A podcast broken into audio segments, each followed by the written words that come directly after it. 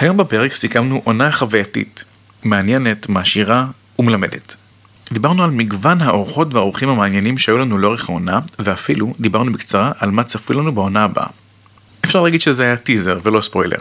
אין ספק שזה עשה חשק לשמוע את כל הפרקים מההתחלה, אבל יכול להיות שאני טיפה משוחד.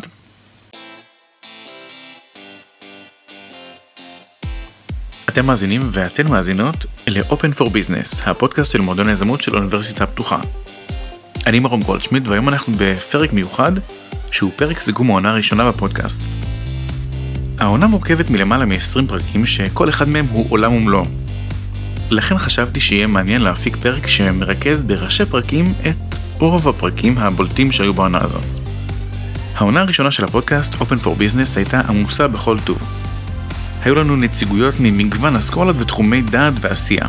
בין היתר דיברנו על travel tech בפרק הראשון עם עמית שמני וחברת Bridgify. לאחר מכן, דוקטור אלון אסגל דיבר איתנו בפרק מספר 2 על רעיונאות ו ideation. בסוף העונה גם הגענו לעסוק בעולמות המיתוג האישי עם גלית רוזנבלט, פרק 17 אם אני זוכר נכון, ועולם משאבי האנוש עם ליאן שני בפרק מספר 18. הפודקאסט מחולק בקווים כלליים מאוד לשני חלקים עיקריים. האחד הוא החלק שמעניק השראה, עם הסיפורים המעניינים, הייחודיים, ואלה שפורצי גבולות ומסגרות. אלה הסיפורים שמייצרים נקודות השקה איתכן ואיתכם, המאזינות והמאזינים. המטרה היא שכל אחד ואחת יאזינו לפרקים האלה ויחשבו, גם אנחנו יכולים. בסופו של דבר, אף אחד לא נולד מנכ"ל, ואף אחת לא נולדת יושבת ראש דירקטוריון. לפעמים, מה שהכי מעניין הוא הדרך. הדרך שעוברים עד שמגיעים לטייטל הנכסף. בנוסף, לא כל בעלי התפקידים עם השם הזהה עושים את אותו הדבר. ייתכן שסמנכ"ל שיווק יראה שונה דרמטית בחברת ביו-רפואה, לעומת תפקיד זהה בחברה ביטחונית. כנ"ל לגבי שאר התפקידים. לכן גם מעניין לשמוע את הסיפורים של אותם אנשים ובעלי תפקידים ולהבין איך נראה יום בחייהם, וגם איך הם הגיעו לאן שהגיעו. החלק השני בפודקאסט הוא החלק של הכלים המעשיים, הפרקטיים. החיבור בין התיאוריה לשטח. אם יש לי רעיון טוב, מה אני עושה איתו? איך אני מוציא אותו מן הכוח אל הפועל? למי אני יכול לספר אותו? איך אני מגן גם על הקניין הרוחני שלי? איך אני מרכיב צוות מנצח שיעזור לי להגשים את החלום שלי, איך בונים תוכנית עסקית, איך מגייסים הון, ועוד ועוד ועוד ועוד ועוד. לפעמים החלוקה לא כל כך פשוטה, ויש סיפורים שמעניין לספר אותם פעמיים. פעם אחת מהזווית האישית, איך המרואיין הגיע לאן שהגיע, והפעם השנייה תספר את הסיפור מהזווית המעשית, שמעניקה כלים ושיטות שאפשר ליישם כבר ברגע האזנה לפרק.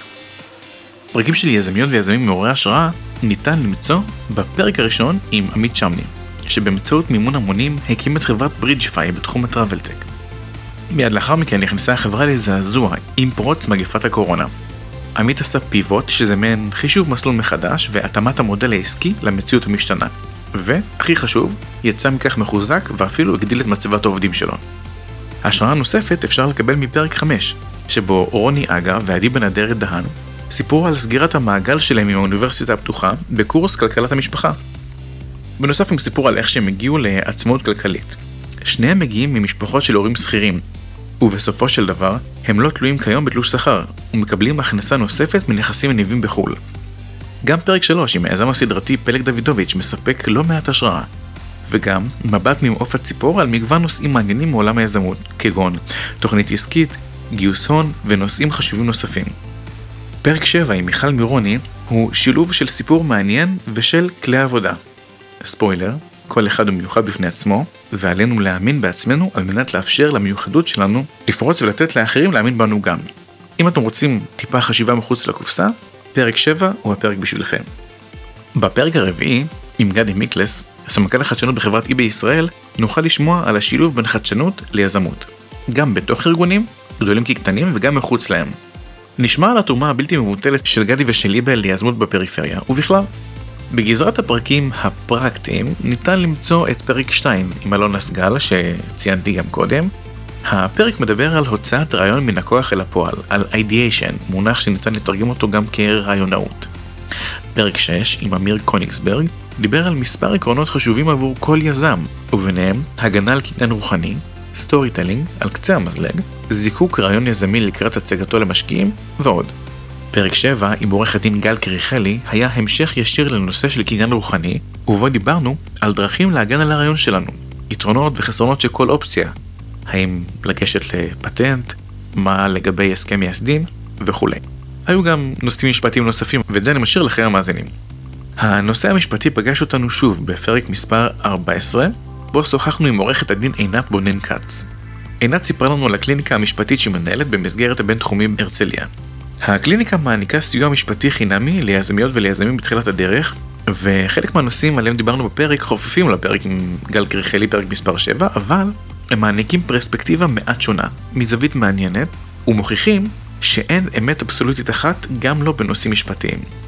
פרק 9 עם אריאל זנג, וגם פרק 13 עם אתי אביטל, עסקו בין שאר הנושאים ב storytelling, אמנות הסיפור.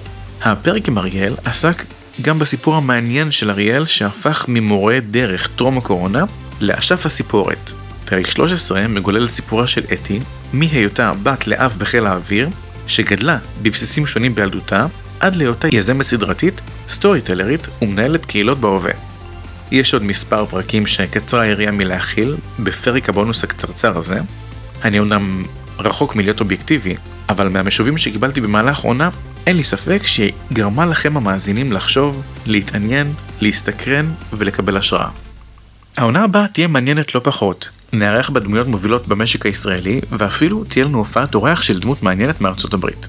בעונה הבאה תהיה גם תת סדרה של פרקים מעט שונים, שמתמקדים בעולם הון הסיכון.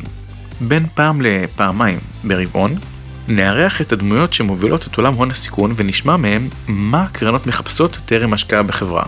איך הכי נכון לגשת אליהן, ונענה אחת ולתמיד על השאלה האם הקרנות אכן בלתי נגישות כמו שתמיד היה נהוג לחשוב.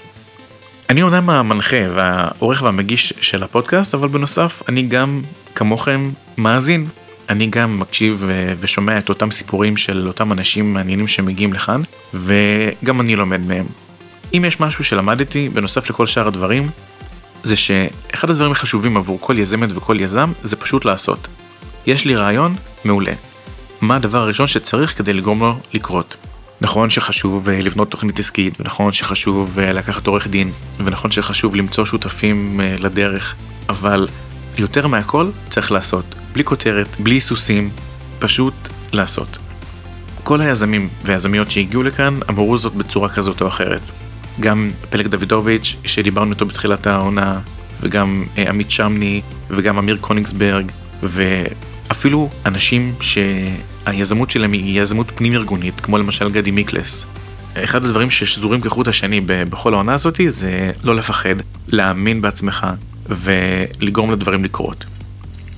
אז אה, בנימה זו, אני מזמין אתכם ואתכן להאזין לעונה הזאת, לספר מה חשבתם ומה הייתם רוצים אה, לראות גם בעונה הבאה.